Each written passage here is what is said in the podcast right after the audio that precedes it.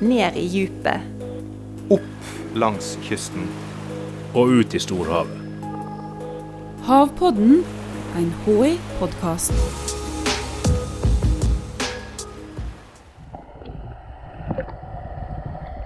Langs hele kysten vår kan du se oppdrettsanlegg. Store sirkler som flyter på fjorden, med tusenvis av fisk i hver eneste en. Hvordan har de det oppi der, egentlig? Da er det jobben til Lars Helge å finne ut av. Jeg er Lars Helge Stien, og jeg er da forsker ved faggruppe dyrevelferd ved Havforskningsinstituttet. Fagfeltet til Lars Helge, dyrevelferd, er på mange måter et ganske moderne fenomen. Du kan si at eh, fagområdet dyrevelferd det begynte jo egentlig med den såkalte boken til eh, Ruth Harrison fra 1964 i England, som da omhandlet eh, industrielt landbruk i England. Og som da sjokkerte den engelske opinionen. Og som da førte til at det ble satt opp en egen komité for å se på dette med dyrevelferd i landbruk. Og den ble, Komiteen ble ledet av professor Roger Bramble, og de kom da med en rapport i 1965. Der de da definerte fem friheter for dyrene i landbruk.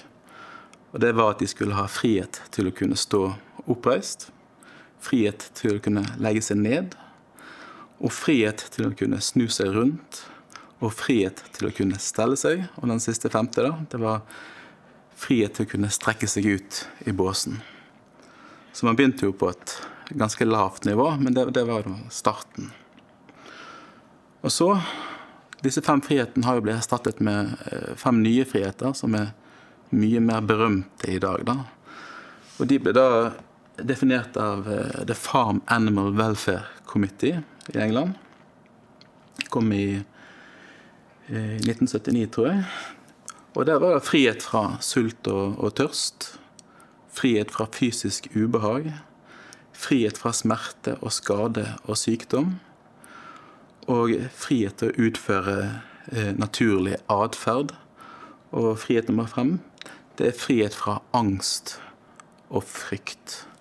Og det er egentlig en litt dårlig oversettelse. For på engelsk er egentlig er det 'frihet from, um, from fear and distress'. Og distress det betyr egentlig da nød. Altså dyret skal ikke oppfatte at det er en nødsituasjon. Men også disse fem frihetene er jo blitt kritisert av å være for enkle. I dag er det tre store retninger innenfor dyrevelferd. Grovt sett så kan du si at folk som jobber med dyrevelferd, de kommer gjerne fra eller har tre innfallsvinkler. Den ene er veldig sånn funksjonsbasert. At de, de tenker at dyr som er ved god helse og vokser godt, de har god dyrevelferd. En annen innfallsvinkel er jo at dyr som lever mest mulig som de ville ha gjort i naturen, har god dyrevelferd. Men det man kan si eh, ene er jo at hvis man bare har som kriterium at skal vokse, dyret skal vokse godt og være friskt, så kan man egentlig si at også planter eller mose eller lav har dyrevelferd. Og det har det jo ikke. Eller eh, og når det kommer til det naturbaserte, så er jo naturen er jo et tøft sted. Og hvis vi behandlet dyrene våre like ille som naturen gjør, så ville det vært mange dyretragedier der ute. Så et tredje syn det er jo at er mer eh, følelsesbasert. At et dyr har god dyrevelferd hvis det selv opplever at det mestrer eh, situasjonen og har god livskvalitet. Og det er jo den eh, definisjonen vi baserer vår forskning på, egentlig. Men hvordan finner en forsker ut om en oppdrettslaks har det bra? Lars Helge kan jo ikke spørre fisken sjøl. Ja, det er jo Altså, vi ser jo først veldig ofte på dyrevelferd i forhold til eh, nye teknologier som blir introdusert til næringen, eller nye former for oppdrett. Og sammenligner gjerne det med den, det som allerede finnes, og ser om vi går mot bedre velferd, eller om vi klarer å opprettholde den samme velferden i, det, i de nye teknologiene. Og da ser vi jo typisk på eh, sånne ting som er dødeligheten på samme nivå, helst lavere nivå enn før. Eh, får man færre skader med det nye produktet kontra tidligere behandlingsmetoder. Eh, vi ser mye på atferden på fisken. Oppfører han seg normalt, som han skal, ser det ut som han, han, han trives i, i, miljøet. Ja, for jeg lurer litt på det med atferd. Altså, hvordan kan du se om laksen trives i miljøet? Ja, det, det er Hvis man søker fisk og følelser på, på Google, så kommer det veldig ofte opp en sånn tegning sikkert alle har sett, hvor du ser bilder av seks fisker.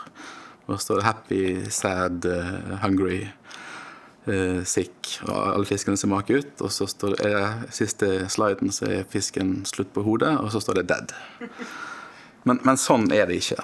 Det, det, kan være sånn, men det er for enkelt. Altså, hvis du går sammen med en oppdretter og ser uh, opp i karet eller i mæren, så kan du veldig ofte plukke deg ut to-tre fisk som du ser ikke er en del av, av gjengen. De holder seg ut forbi og har helt tydelig anormal atferd.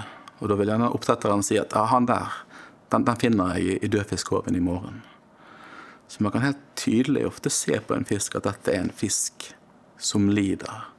Både i form av atferden, eh, fargeforandringer i skinnet, og noen ganger har vi også tydelige skader og sår. Lars Helge og forskerkollegaene hans kjører forsøk med ekte laks. Forsøket skal være så likt som de faktiske forholdene i næringa. I tillegg er de òg ute på besøk hjå oppdrettere og undersøker.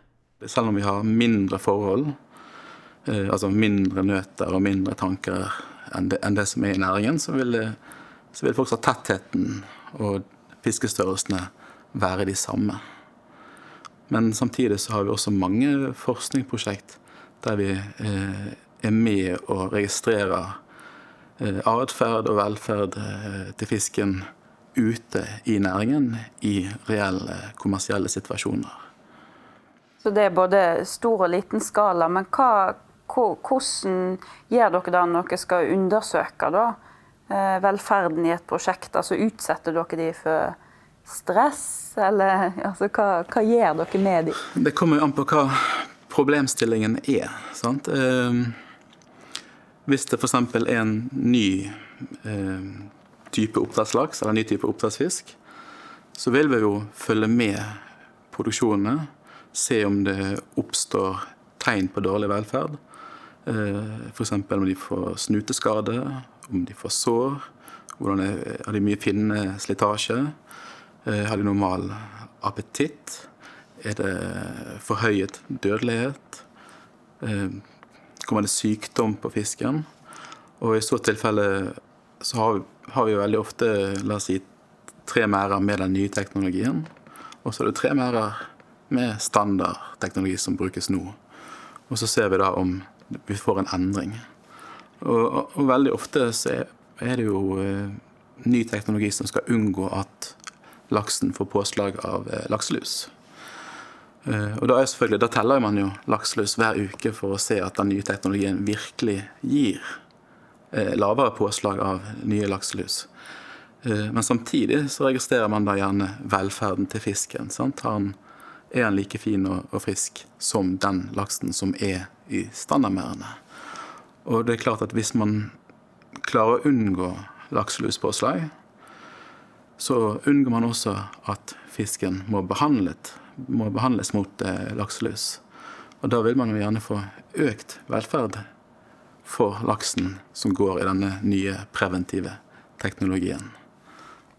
Men nå når dere da ser på, på oppdrettsanlegg og, eh, og, dyrevelferd, hva tenker du er de største utfordringene, eller hva er det som er vanskeligst for å opprettholde dyre, god dyrevelferd i, i, oppdrett i dag? Altså På mange måter så har vi jo en, en eh, Altså en, en, laks som er en oppdrettsmerd, den har, er jo oppe i en merd som gjerne 50 meter i diameter. Den er kanskje 50 meter dyp. Så den har egentlig et veldig stort volum å bevege seg på. Og, vannet i merden vil jo endre seg med årstiden.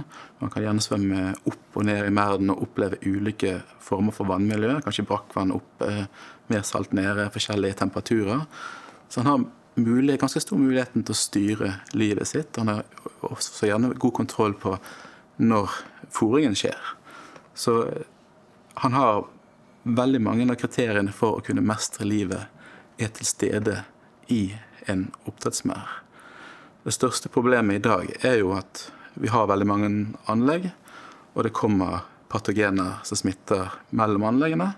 Og man får gjerne få eh, sykdomsutbrudd. Og det er jo derfor det er veldig viktig å, å, å på, eller å forske på ny teknologi som kan hindre eh, smitte, særlig da lakselus, mellom anlegg. Men det er ikke bare laks i norske merder, det er òg rensefisk. En rensefisk det er jo en fisk som blir satt opp i merdene fordi det er blitt oppdaget at de, altså at de spiser lus av laksen. Og, og da er det typisk rognkjeks eller ulike arter for, for, for leppefisk. da. Og det, det, fungerer jo greit. Vi ser jo at eh, leppefisk og, og rognkjeks eh, fører til redusert eh, lus på laksen. Men samtidig så er jo laksemerdene og hvor de er lokalisert, det er jo bestemt på grunnlag av at det skal ha best mulig forhold for laks. Og laks er jo en helt annen type fisk enn f.eks. en rognkjeks. De har en helt annen kroppsform, bl.a. I motsetning til laksen, som lever i havet, trives leppefisken best i et mer beskytta miljø. Han liker seg i tang og tare og ting han kan gjemme seg i. Rognkjeks lever i havet sånn som laksen, men han lever på en helt annen måte. Så her er jo det en, en mismatch, som da en gjør sitt aller beste for å kompensere for med å ha eh, skjul som leppefisken kan gjemme seg i. Man har gjerne plastrør som rognkjeksen kan feste seg på, slik at den kan hvile seg i eventuelt sterk strøm. Eh, men likevel så ser vi jo det at, eh, at dessverre så er dødeligheten fortsatt veldig høy for disse artene i, i oppdrett. Rensefisken får altså problem fordi forholdene i merden er valgt ut ifra hva som passer laksen best. Men hva sier det om livet til oppdrettslaksen? Har norsk oppdrettslaks det bra? Mange av betingelsene er til stede for at han skal ha det bra. For han har eh, Altså, den norske kysten er jo veldig godt egnet til oppdrett.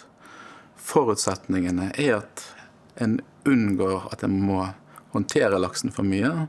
F.eks. at han må gå gjennom avlusing flere ganger, som er et vesentlig risikomoment hvor det kan oppstå skader på han, som da senere han kanskje dør av der, eller kanskje oppstå sår og skader som så kommer bakterieinfeksjoner på og gir langvarig lidelse.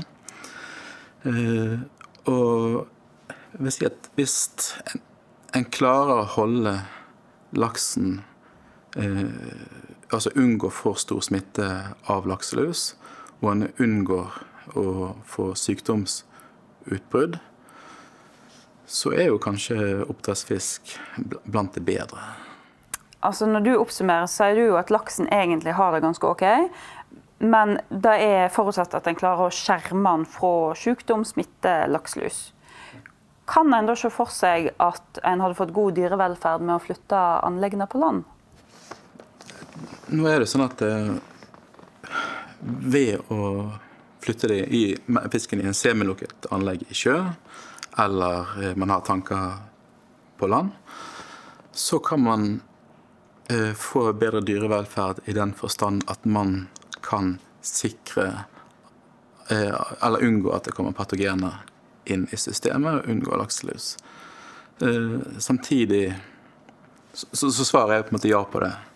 Men, men, så er det et men der også. Og det er jo Vi hadde jo dette med at eh, dyr skal jo også ha en viss eh, eh et visst naturlig liv.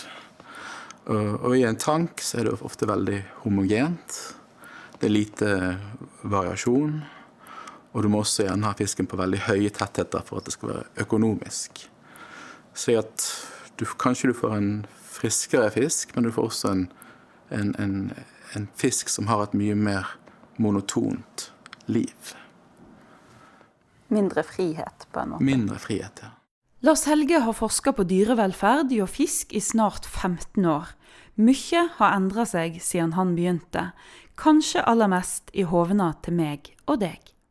Det har jo vært en, en, en veldig stor eh, endring eller bevisstgjøring i at eh, i, i hva fiskevelferd, eller hva dyrevelferd egentlig er. Og, som, som, kanskje sakte, men sikkert blir en del av bevisstheten også til, altså til, til alle, egentlig. Sant? At det, det, ikke bare er det at uh, dyret er, er, er, friskt.